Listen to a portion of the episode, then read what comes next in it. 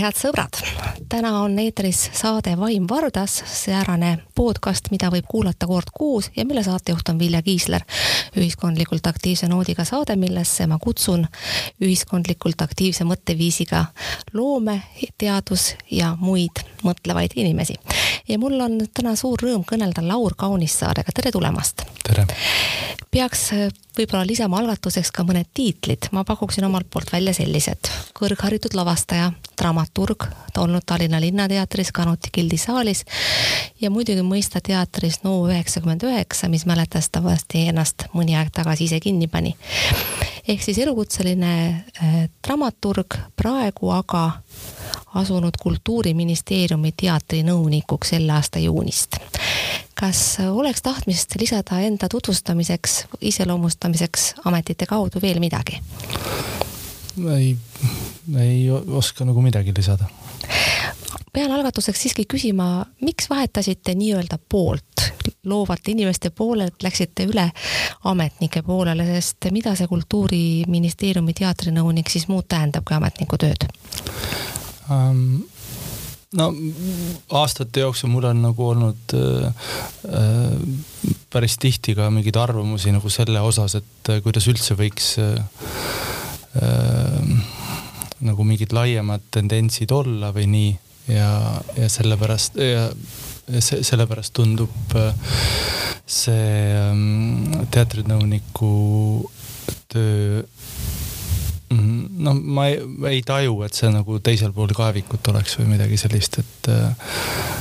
et muidugi ta oma iseloomus on nagu teistsugune ja seal on üksjagu sellist noh, kogu seda nii-öelda riigi masinavärki ja nii, aga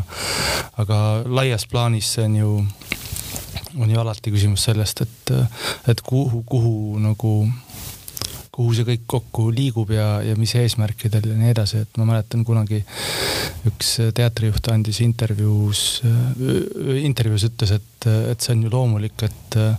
et, et kunstnikku ei huvita mitte ainult tema enda looming, vaid et ta mõtleb ikkagi nagu laiemalt ka kogu, kogu nagu oma valdkonna maastiku peale täitsa arusaadav. ei olnudki mõeldud, et äh, ma seda kuidagi hinnanguliselt esitaks. aga kuna selline muutus on toimunud, siis algatuseks tegin sellest juttu, aga mitte see ei ole üldse meie kohtumise ajendiks, tahaks rääkida hoopis mälust ja sellest äh, eelkõige lasta siis ennast ajendada teie hiljutisest lavastusest Mäletan, ei mäleta, mida ma nägin esietendusel. Ja kus siis ähm, laval olid Riina Maidre ja Simeoni Sundja ja see on tegelikult, ma saan aru, tervenisti olnud teie initsiatiiv ja leidnud praegu siis ka kultuuriajakirjanduses heatahtlikku tähelepanu. me vist ei saa täna enam öelda, et inimesed saavad seda vaatama minna, eks ole, on mul õigus? ei saa, jah. see on, oli selline projekt, mis on praeguseks juba läbi, kuid keda huvitab, saab selle kohta lugeda. ja mul ei ole ka ühtegi plaani hakata seda etendust siin tutvustama või ümber jutustama, küll aga arutleda selle etenduse ajendil mälu ja mäletamise funktsioonide ja võimaluste ja rollide üle. ja meie arutelu algatuseks meenutaksin ma meie kuulajatele, mida te olete juba öelnud selle lavastusega seoses ja te märkisite, et selles ei proovita leida süüdlast, vaid uurida, kuidas me mäletame, mida me mäletame ja kellel on õigus mitte mäletada ehk siis etenduse eesmärgiks ei olnud seatud mitte uurida, kes on kommar ja kes ei ole, kes on süüdi ja keda viskame, pigem kuidas me üldse mäletame, mida mäletame ja kellel on õigus mitte mäletada. peaks vist veel arusaadavuse huvides siis siin meelde tuletama, et see etendus toimus Kommunistliku partei arhiivis Tõnismäe, ähm, Tõnismäel hoones, kuhu enamik inimesi niisama sisse astuda ei ole saanud pikki aastaid ja ei saa ilmselt ka praegu. Kuid ähm, see etendus ajendab mõtlema ka selle üle, missugused on mäletamise funktsioonid üleüldse.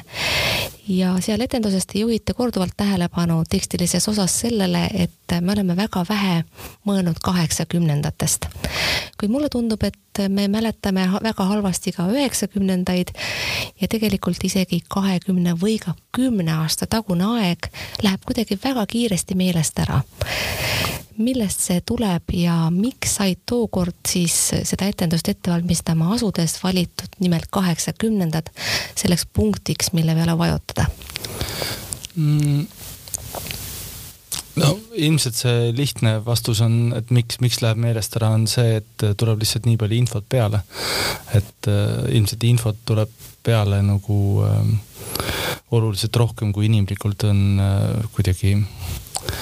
võimalik või, või, või meeldiv äh, talletada ja meeles pidada äh,. jah, see mis selle konkreetse lavastuse puhul, mis oli põhjus, et seda teha nagu selles konkreetses ruumis, kommunistliku partei arhiivihoones, mis siis pärast sai nagu Rahvusarhiivi hooneks ja, ja pärast siis koliti tühjaks äh, Noorasse, Tartusse, kui olid uued tingimused tekkisid sinna. oli see, et kui sinna esimest korda pääsesime Äh, ka noh, stenograafide, eks ju, Kairi Mändla ja, ja Aet Taderiga ja, ja, ja helilooja Markus Robamiga, et siis äh, väga, äh, väga kuidagi kõnetav oli see tühjus selles ruumis. Ja ma nüüd üritan meelega mitte rääkida lavastusest, et noh, sest mõnes mõttes nagu see on ju möödas, aga, aga see tühjus seal oli nagu kuidagi minu meelest väga kõnekas. see oli ja, ja, ja mitmetähenduslik, see oli kas see tühjus, et, et enam ei mäletata või et see, see, see teema, see lähimineviku teema nagu ei ole kuidagi aktiivses mälus. Äh, või siis, et ta võib-olla hoopis peakski mitte mäletama ja siis sellega seotud kõik need nii-öelda eetilised ja, ja sellised äh, küsimused. Mm. miks kaheksakümnendad, äh, võib-olla sellepärast, et et see on selline aeg, eriti just kaheksakümnendate algus, et ütleme, kaheksakümnendate lõpu osas on äh, noh, mingisugune narratiiv justkui nagu kujunenud. Ehm, seda võib äh, ka Rahvusringhäälingu, ütleme eetrist pidupäevadel näha, et see kuidagi seda, see kehtestub ja seda kehtestatakse ja selline see kõik see, need öölaulupeod ja kogu selline asi, eks ju sellel on nagu mingisugune vorm, noh, seda võib ka kuidagi vaidlustada ja kritiseerida ja, ja nüansseerida, aga, aga kaheksakümnendate algus, mis on ju põhimõtteliselt, me räägime nagu ajast, mis on nagu viis aastat enne seda, eks ju, et see on ju noh, üliväikese ajalise distantsiga. et selle kohta nagu õieti ei olegi nagu mingit, minu, mulle tundub nagu mingit erilist narratiivi. ometi inimesed on ju väga suures osas samad, et äh, need, kes kaheksakümnendate lõpul äh, äh nagu äh, tegutsesid ja, ja ükskõik mis vanuses siis kas nagu päris noortena või, või, või juba mingi sihuke eelkeskealiste või keskealiste või vanemate inimestel, need oli kõik ju viis aastat tagasi, kaheksakümnendate alguses samamoodi elus. aga ometi see nagu olukord, kus nad eksisteerisid, no ütleme, see poliitiline olukord äh, oli hoopis midagi muud ja, ja võib-olla sellepärast, et äh, et noh, kui ma ise olen sündinud üheksasada kaheksakümmend kaks, siis muidugi mul puudub nagu mingi vahetu võimalus nagu äh, äh, ise mäletada sellest ajast äh, midagi, mis äh, äh, ei oleks lihtsalt ütleme noh, isiklik mingisugune äh, lähen sõsterpõõsaste alla ja korjan marju või noh, või mida iganes, eks ju, et ähm, ja aga samas mulle tundub, et see on jälle nagu ka väga ähm, mulle tundus, et see, selles on nagu väga suur ähm, võimalus ka, et kui sul ei ole mingi aja suhtes nagu mingit väga isiklikku äh, arusaamist, et või et see aru, sa saad aru, et see arusaamine on läbi teiste, et see on nagu läbi selle, mida inimesed räägivad või mida on kirjutatud või mida sa võid arhiividesse minna, seda nagu leida. siis äh, mulle tundus, et see, see,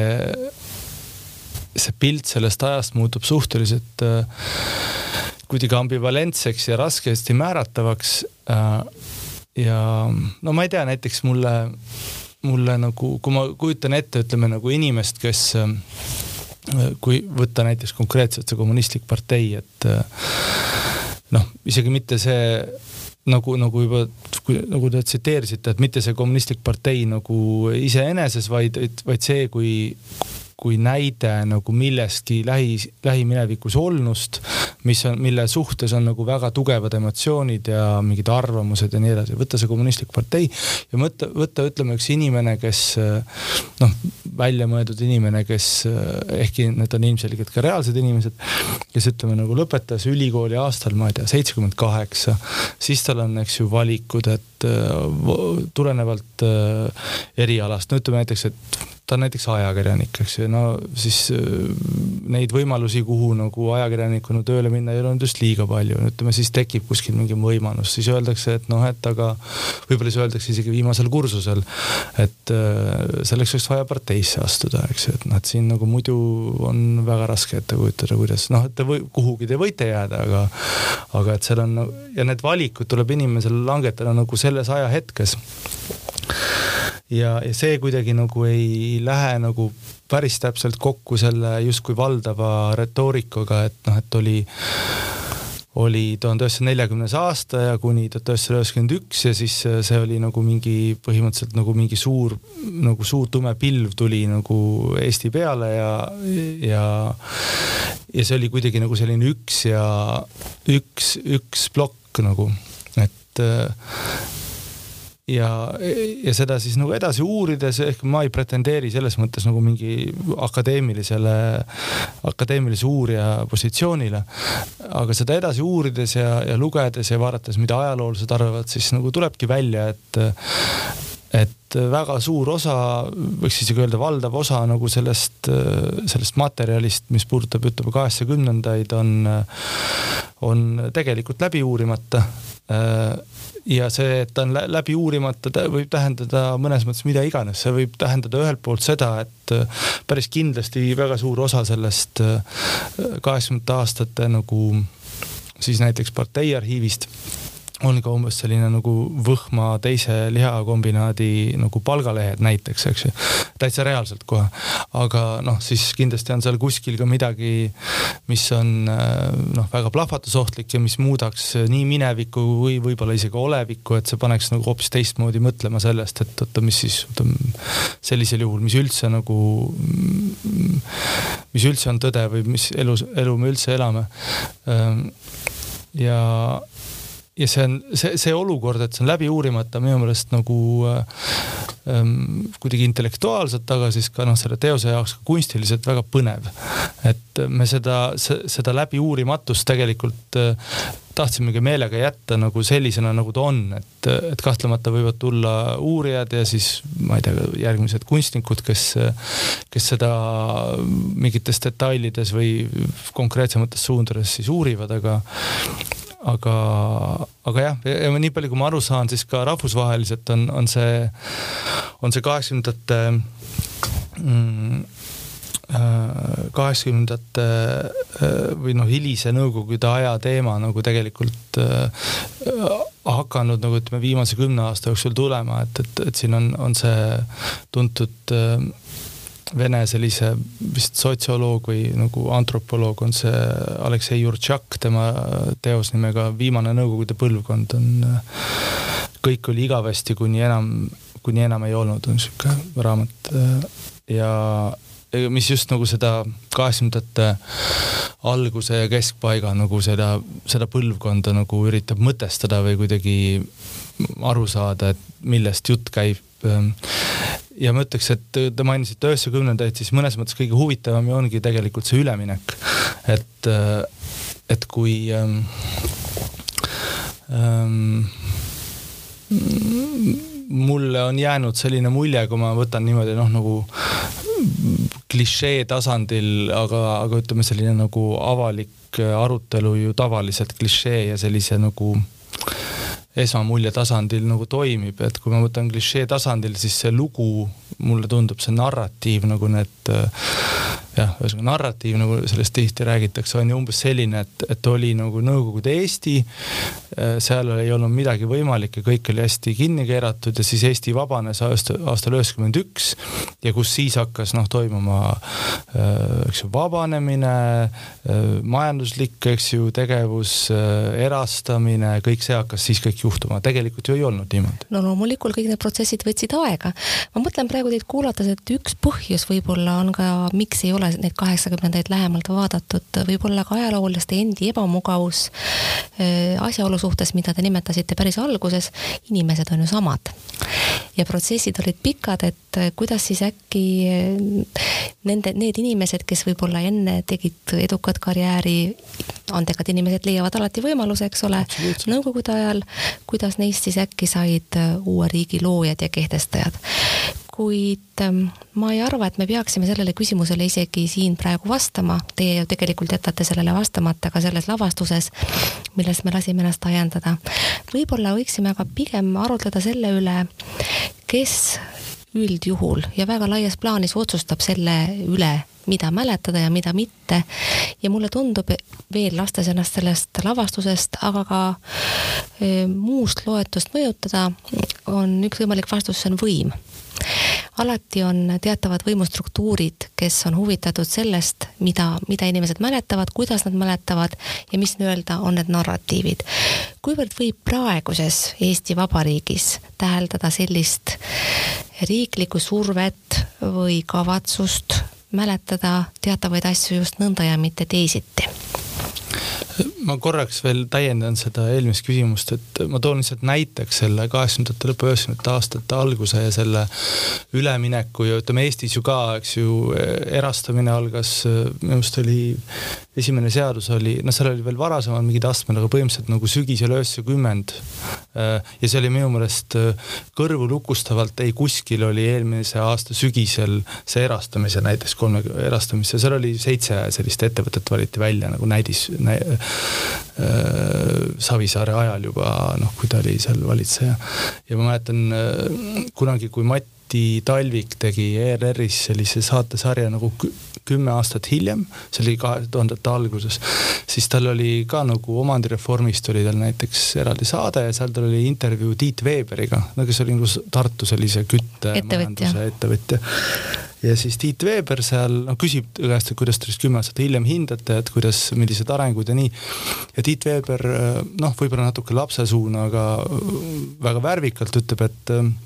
noh, eks kuldsed ajad olid need, kui veel seadusi ei olnud. ja, ja selle nagu ühe, ühe lausega on nagu kõik öeldud mõnes mõttes. seda võiksid kinnitada küllap paljud ettevõtjad, kes tookord siis hoo sisse said see mulle meenutab näiteks ma luge-, üks huvitavamaid nagu selliseid äh, dokumentaalmat-, dokumentaalraamatu, mida ma olen lugenud viimastel aastatel, oli ühe, ma ei mäleta, mis see Martsev on ta nimi, ühe Valgevene mm, Valgevene nagu meediamoguli või sellise noh, jah ühesõnaga meediaettevõtja, aga nagu ka teistes valdkondades ettevõtja äh, mälestused äh,, mis avaldati muidugi äh, postuumselt pärast ta surma, aga ta suri suhteliselt noorelt äh, paraku. aga see anti välja pärast ja see on uskumatu äh,. ja see on super mitmekihiline ja, ja väga huvitav ja, ja pani mõtlema, et on no umbes näiteks ütleme, see oleks põhimõtteliselt võrreldav nagu no näiteks teie, eks ju, omaniku ütleme, kui Hansas Luik kirjutaks mälestusi nagu super põnev oleks lugeda kindlasti. minagi loeksin huviga. absoluutselt äh,. Äh, jah, et ühesõnaga see on väga põnev teema ja, ja kahtlemata see on nagu täiesti mõistetav, et, et see, see, et see ei ole mitte ainult intriig, et seda, see ei ole mitte ainult intriig, et umbes, et inimesed on elus ja see on kõik keeruline ja ütleme nagu ebamugav ja nii, et see, see ei ole mitte ainult intriigi pärast niimoodi, vaid see on ka noh, täitsa nagu reaalselt niimoodi, et sest inimesed ju noh, ei pruugigi mäletada ja, või täitsa siiralt ei pruugi mäletada ja, ja, ja kõik need küsimused, et selles mõttes see on, ongi väga huvitav. No loomulikult inimesed alati, kui nad ütlevad, et nad ei mäleta, nad ei pruugi sugugi valetada, kuigi ajakirjandus neid alati selles kahtlustab. aga katsume jõuda ikkagi sinnamaani, kus ma juba proovisin juttu juhtida eelmist repliiki sisse lõigates, kuivõrd ikkagi võib märgata tänases Eesti riigis, tänases võimus sellist kalduvust või intentsiooni mäletada teatud ajaloosündmusi kindlal viisil? Mm, noh, kindlasti, aga mulle tundub, et see on äh, äh, äh, ma võib-olla loomu poolelt loomu poolest olen pisut kahtlustav inimene, aga ma olen nagu kuidagi ajaga tajunud seda, et enamasti kui äh, enamasti kui äh, ähm, kui mi-, mingid teemad nagu vajuvad äh, mälust välja, siis nad, või ühiskondlikust mälust, siis mulle tundub, et see ei ole niimoodi, et, et, et keegi kirjutab mingisuguse otsuse alla kuskile, et seda mitte mäletada või et see eemaldada kuskilt või nii. et, et see pigem on, ma arvan, mingi selline nagu selline ookeaniaurikuna vaikselt nagu äh, väga vai-, väga vaikselt ja aeglaselt keerav ühiskondlik konsensus ja selline nagu ähm, natuke nagu, nagu see Hiina mäng, mis on Go või see, et kus nagu mustade ja valge nuppudega nagu üritatakse üksteist kuidagi nagu ähm, üksteist äh, hõlmata või kuidagi nagu endasse haarata. Ja see mäng käib seal nagu mingite päevade ja kuude kaupa niimoodi kord pannakse, no ühesõnaga, et asjad muutuvad väga aeglaselt, muutuvad päevast päeva. Et ma selles mõttes sellesse väga ei usu, et see on nagu mingi äh, äh selline teadlik kõrvalejätmine. no ähm, no see kehtib tegelikult ainult demokraatiate kohta, diktatuurid on ju alati kehtestanud oma ajalookäsitluse ja ajalugu ka ümber kirjutanud teataval kindlal viisil kuid ähm,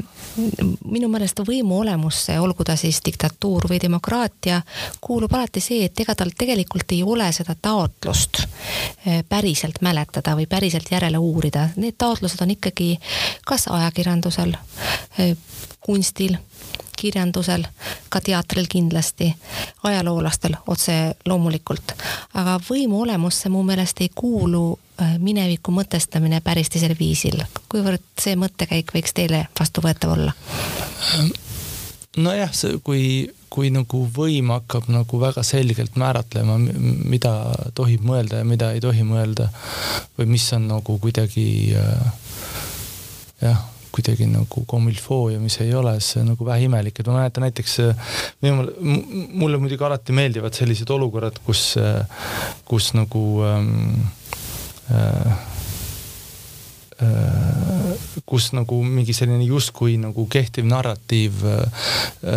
mingis nüansis saab hoopis teise pöörde, et näiteks minu meelest oli nagu väga huvitav ja, ja sellise näitena nagu äh, sümpaatne oli see, et äh, oli, ma vaat-, ma olen äh, selle Arkadi Popovi nagu Facebooki see jälgija, eks ju, ja siis kui oli üheksas mai, siis ta äh, postitas foto, kuidas ta oli äh, läinud, eks ju, pronkssõduri juurde üheksandal mail. mis justkui nagu sellise noh, mingi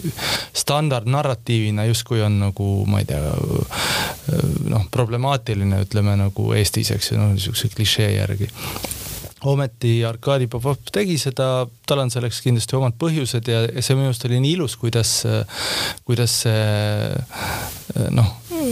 kuidas see äh, ei paigutu nagu sinna narratiivi, äh, et noh, ma ei tea, et umbes, et üheksa, ma lihtsalt elan suhteliselt lähedal selle pronkssõdurile ja käisin näiteks see, see, sellel mail, äh, kuna seal piirkonnas väga palju midagi selliseid nagu üritusi ei toimu, siis käisin üheksandal mail nagu vaatamas nagu noh, nagu et mis toimub ja mida seal tehakse, et siis äh, minu arust see oli väga nagu äh, tore ja selline nagu mitmekesine, et äh, et see, see narratiiv, et üheksandal mail käivad pronkssõduri juures ainult äh, noh, mingid säänsed-määnsed, ütleme nii et see, et see mur-, mur-, murdub nagu reaalelus ähm, äh, väga tihti ja minu meelest, kas mitte teie kolleeg äh, Krister Paris ei kirjutanud mingit juhtkirja, et, äh, et Eesti poliitik peaks, ma ei mäleta, keda ta mõtles konkreetselt, et võiks minna üheksandal mail sinna, minu arust oli mingi selline juhtkiri. jaa, selline juhtkiri on tõepoolest olnud, tuleb ka mul meelde. kuid võib-olla võiksime rääkida veel mõne sõnaga sellest, ähm, missuguses rollis võiks ette kujutada kunsti, teatrikunsti sealhulgas äh, mäletajana ja, ja ühtlasi ka siis unustajana. sest äh, miks ma sellise küsimuse esitan, on ju hulk ajaloosündmusi, mida me tegelikult tunneme palju paremini näiteks ilukirjanduse kaudu kui ajalooraamatute kaudu mm. -hmm. ja samas teame me kirjandusteost lugedes enamasti, et ajalooline tõde ja kunstitõde ei pruugi sugugi kokku langeda, kuid vahel osutub kirjanduslik tõde märksa elujõulisemaks inimeste teadvuses kui ajalooline tõde. missugune suhe võiks ja peaks olema kunstil ajaloosündmuste mäletajana, mõtestajana ja ka unustajana? no minu meelest võiks see olla nii, et kunst võiks ähm kunst võiks äh, otsida nagu äh, keerulisi lugusid. Selliseid lugusid, mis, kus kus tuleb välja elu vastuolulisus ja mitmetisus ja ähm, teiselt poolt on muidugi see, et ega, ega ütleme, mäletamine või või unustamine või, või kõik need teemad ei ole ju ainus asi, millega kunst peaks tegelema, et ma selles mõttes üsna, ma ütleks radikaalselt pooldan seda, et et las igaüks teeb, mida tahab, et, et kunstnikuna, et ma arvan, et, et kunsti nagu liigne asetamine mingisse mingi funktsiooni teen, teenistusse nagu ühiskonnas, ma arvan, pigem ei ole hea tee. et ta võib mingis olukorras olla, äh, millega funktsioonis, kui kunstnik seda soovib või, või see kuidas kuidagi mingil moel asjad nii lähevad ja see iseenesest on üks võimalus. aga see ei pea minu meelest olema nagu äh, et ütleme, et mitte ainult see kunst, mille puhul on, äh, on selgesti aru saada, millist funktsiooni ta ühiskonnas täidab, ei ole nagu väärtuslik kunst. et kunst võib-olla nagu kunagi väga ilusti ütles Jossif Brodski, vene luuletaja, et äh, kunst on küll äh, kasutu, aga mitte mõttetu. Äh, aga konkreetsemalt rääkides, minu meelest on näiteks väga huvitav jälgida, mis puudutab seda hilist nõukogude aega et kui, kui mõelda näiteks nagu ütleme filmide peale või mingite teleseriaalide peale, et siis Eestis äh, äh, vist peaaegu ütleme, kui see Eesti ENSV välja arvata, eks ju, noh, mis on nagu rohkem selline mingi farsi žanr. pigem vist meelelahutus. no sihuke jah, et, et siis äh, selle kõrvale, kui ma mõtlen, et mis on nagu viimase, ma ei tea, kümne, viieteist, kahekümne aasta jooksul nagu olnud film, filmimaailmas nagu millised filmid on käsit-, käsitlenud mingit ajastut või tegevust mingil ajastul, mis oleks pärast viiekümnendaid ja mul ei tule nagu midagi ette. Pigem eelistatakse sündmusi, millega on suurem ajalooline distants, ajaline distants. ja ütleme, selles mõttes oli väga ilus samm, see seltsimees laps oli väga ilus samm edasi, ehkki väga väike, aga siiski nagu ta liikus siis kuhugi sinna nagu viiekümnendate algusesse ja, ja minu meelest oli väga ilus, kuidas ta nagu, ta ta toob sind sellesse ajastusse nagu sisse, ta toob selle, selle ajastu valikutesse sisse, millised valikud sul sel hetkel nagu on. ja, ja, ja, ja keerukusse. et selles mõttes on väga huvitav, et näiteks ma saan aru, Saksamaal tehakse juba üksjagu filme, eks ju, mis nagu käsitlevad seal, mille tegevus toimub, ütleme seal mingi seitsmekümnendate aastate Ida-Saksamaal või, või, või, või kaheksakümnendate alguses Ida-Saksamaal või lõpuks on ju see Donnersmarki see teiste elu, eks ju, mis kunagi käsitles seda noh, ütleme staaži, staažitöötaja moraalset ümbersündi, eks ju, aga noh, et mida ka Ida-Saksamaa inimesed tihtilugu kritiseerisid, ütlesid, et kuulge, et tuleb siin mingi von kuskilt Lääne-Saksamaalt ja teeb meile siit, eks ju, filmi sellest, kuidas meil Ida-Saksamaal aastal kaheksakümmend neli nagu oli, et kuulge, see oli hoopis teistmoodi kõik. ja, ja algaski nagu mingi debatt selle üle, et mis siis oli või, või kuidas et, äh, et see on minu meelest kõnekas ja, ja iseenesest ei olegi nagu ka, ma ütleks mõnes mõttes see ei ole probleem. Äh, sellepärast, et, et see pigem näitab midagi ühiskonna mingisuguste jõujoonte ja, ja, ja, ja nagu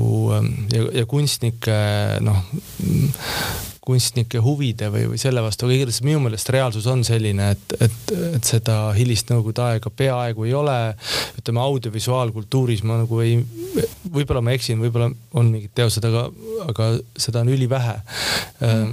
et noh, ütleme nõus. sellist asja, et ütleme, kui ma kujutan ette, et on film, mis algab kaadriga, et, et ähm, ma ei tea, et Andres äh, ärkab äh, kaheksakümne teise aasta ähm, ma ei tea, ärkab kaheksakümne teisel aastal Õismäel äh, oma neljanda korruse korteris ja, ja sööb hommikust ja läheb äh, tööle ja mis elu ta elab, no näiteks ütleme lihtsalt, et, et siis ja et sellest kohe ju hargnevad igasugu küsimused ja laiemad küsimused, et, et on mingi, keegi on, ma ei tea, kommunaalvalitsuse juhataja, kes on hili, hilisemas näiteks kümne aasta pärast on ta näiteks, ma ei tea, riigisekretär näiteks, seesama inimene, no seal tekivad igasugu küsimused küsimused, mis on täiesti reaalsed ja elulised, eks ju. ja samas ka intellektuaalsed, aga et seda nagu ei ole. Ähm, jah, vot huvitav ma tahaksin tänase teema kontekstis teiega rääkida siiski ka mõne sõna NO teatrist, sest minu jaoks te olete eelkõige sellega seotud ja, ja mind väga huvitab tegelikult see, mis siis juhtus, kui NO teater ennast ise kinni panna otsustas ja mälu värskendamiseks lugesin uuesti üle seda avaldust, millele siis teie ka tookord alla kirjutasite, mis rääkis NO teatrist kui idealistlikust pürgimusest ja mis ütles, et kui enam ideaalideni ei küünita, siis ei ole ka teatrit. Loen võib-olla mõned laused ette, et kuulaja siis mäletab seda paremini ka teatrit ei lõpeta mõni meediat pingestav draama, ei. teater lõpetab, sest sammhaaval, väehaaval, järk-järgult on toimunud miski, millele nime anda pole võimalik. see otsus teeb meile haiget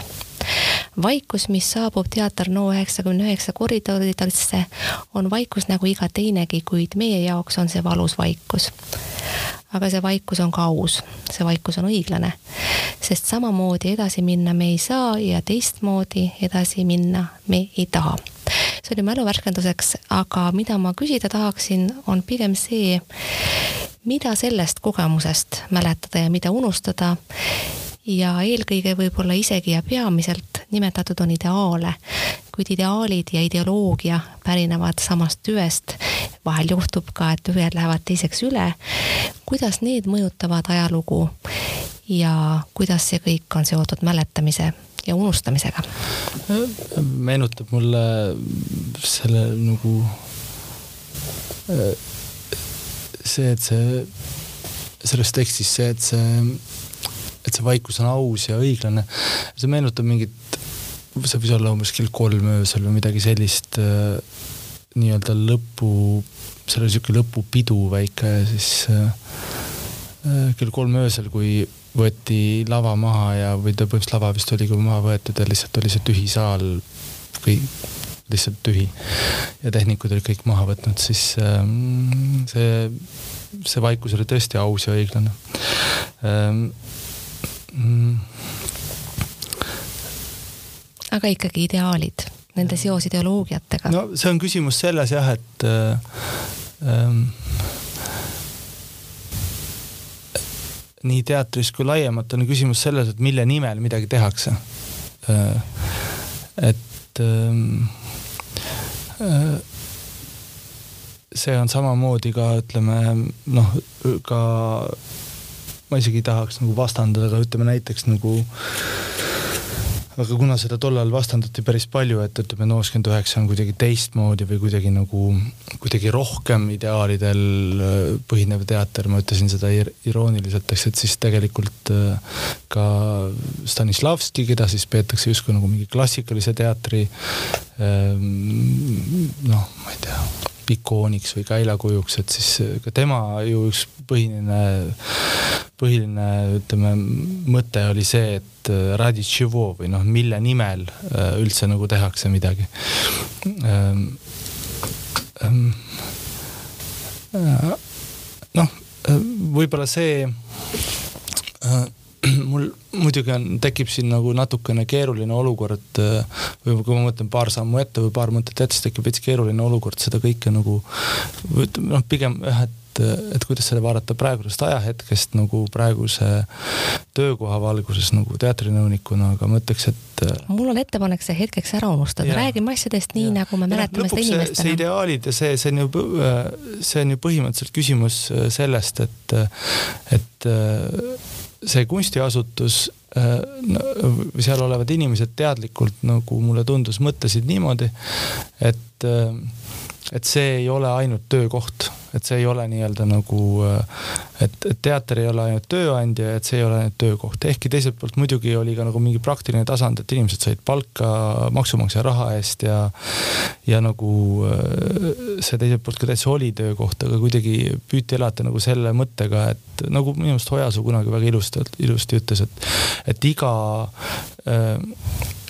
et, et nooskümmend üheksas nagu töötanud inimesed oleksid vabalt äh, saanud töötada ka igal pool mujal, aga nad tahtsid töötada selles kohas. et ähm, äh, nojah, eks see, eks see mõnes mõttes on see, et äh, mm, ma üldiselt ei, ei ei, ei arva, et, et nooskümmend üheksat peaks selles mõttes kuidagi noh, kuidagi liialt mütologiseerima või idealiseerima selles mõttes, et ta äh, eks seal oli igasugu aegu ja, ja nagu normaalses kunstiprotsessis, eks ju, et, et on, on sellega seotud igasugu keerukused, aga aga võib-olla selline jah, nagu mingi võimatuse või, või, või nagu ähm, kunstiliste riskide äh, ähm, väärtustamine iseeneses on, on nagu miski, mis võib-olla äh, ma arvan, kandus äh, esiteks noh, võttis nooskümmend üheksa neid, seda ideoloogiat, kui te nii ütlete, mõnes mõttes üle ju ka ei ole ju ainult ise äh, välja mõelnud ja me kõik seisame nagu eelnevate põlvkondade õlgadel, aga aga võib-olla siis läbi nooskümmend üheksa see kuidagi kandus ka nagu edasi tänasesse päeva. Äh, aga muidugi ka mitte ainult läbi nooskümmend üheksa, et. Äh, remargi korras, kui ma seostan ideesid ja ideoloogiaid, siis ma tegelikult kuulan ainult tähelepanelikult sõna ja ei anna üldsegi hinnanguid. kuid meie eesmärk ei ole täna NO üheksakümne üheksa lugu tervenisti meelde tuletada, jutustada ega, ega taasesitada. võib-olla lõpetuseks mul oleks plaan tulla tagasi ajaloo ja mäletamise juurde juurde jällegi laiemalt ja võib-olla sellises päris lihtsas klišeelikus inimlikus mõttes. ühte lugu räägitakse ju, et miks me ei õpi ajaloost ja et me võiksime ajaloost õppida. ja noh, kui meenutada näiteks eelmise valitsuse ajal väga sageli tuletati meelde natsismi õppetunde, mitte ilmaasjata. ja näiteks teine selline hea teema on, mille puhul räägitakse ajaloost õppimise vajadusest, on praegu ikka veel möllav pandeemia, mis tegelikult ju ka ei ole inimkonna jaoks midagi uut, me oleme neid pandeemiaid läbi elanud ajaloo jooksul korduvalt, aga millegipärast ähm, inimene ei ole selline olevus, kes kalduks olnust õppima. Ja pigem ta jätab need õppetükid äh, kuidagi tegemata või isegi siis, kui tal juhtunu toimunu on meeles ja hästi dokumenteeritud, isegi siis sarnastes olukordades ei kalduta meeles pidama neid kasulikke näpunäiteid, mis kunagi on omandatud. miks see nii on?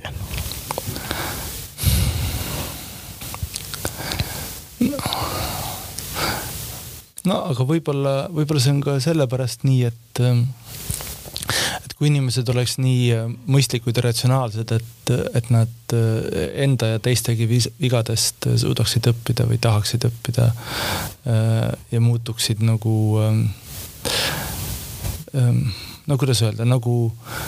muutuksid ähm, noh, kujundina umbes nagu nelikümmend aastat ühes asutuses töötavaks ametnikuks, et nad noh, nagu nad teavad kõike, nad teavad, et see käib nii, see inimene on selline, selle menetlemine käib nii, seal tekib selline nüanss. seda ei saa enne viia Riigikokku, sest siis tekib see küsimus, noh ja nad teavad nagu peast seda ja isegi mitte nagu ratsionaalselt, vaid kuidagi tunnetuse tasandil noh, et kui sihukest kujundit kasutada, et, et on väga, kõik on väga kompetentsed, et siis äh, see oleks elu ju päris igav ka. et äh,, et ega, et see teatud selline nagu sööst laskumise vibe on nagu elus ikkagi nagu ka, ma arvan, päris vajalik, et äh, ähm, samas oleks inimesel ju võimalik niimoodi hoida ennast ära väga suurtest hädadest,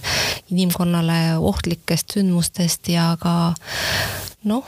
ma ei tea, inimsusevastastest kuritegudest näiteks. no vot äh, kui ma töötasin nooskümmend üheksa, siis me tegime äh, nagu mina, mina olin dramaturg ja Tiit Õesoo lavastas ja Gert Raudsepp mängis seal ühte, ühe prantsuse kirjaniku romaani nimega Hea soovijad, mis oli ühe natsiohvitseri äh, äh, siis nagu monoloog, mis algab sellest, kuidas ta suhteliselt kuidagi poolsuvaliselt astub äh, SS-i ja, ja siis lõpeb nagu pärast nagu põlvili veres ja, ja nii edasi ja selle nagu kõige suurem väärtus sellel romaanil on see, et see on puhtalt nagu ähm, esimesest isikust, ehk siis, et ta kirjeldab seda mitte, et keegi tegi, vaid et mina tegin neid asju. jutt käib siis Litelli raamatust? Litelli raamatust ja, ja seal on minu meelest väga ilusalt väljendatud seda sellist äh, Äh, noh, millimeeter millimeetri haaval nagu libisemist. Äh, et kus igal hetkel sa mõnes mõttes võiksid justkui nagu peatuda ja võiksid nagu neid otsuseid mitte teha. aga siis tundub, et äh, noh, praegu ma seda otsust enam ei saa teha, mida ma oleks pidanud tegema hetk tagasi, aga siis ma oleks pidanud juba seda, mis noh, et mi, see on nagu mingi pikk,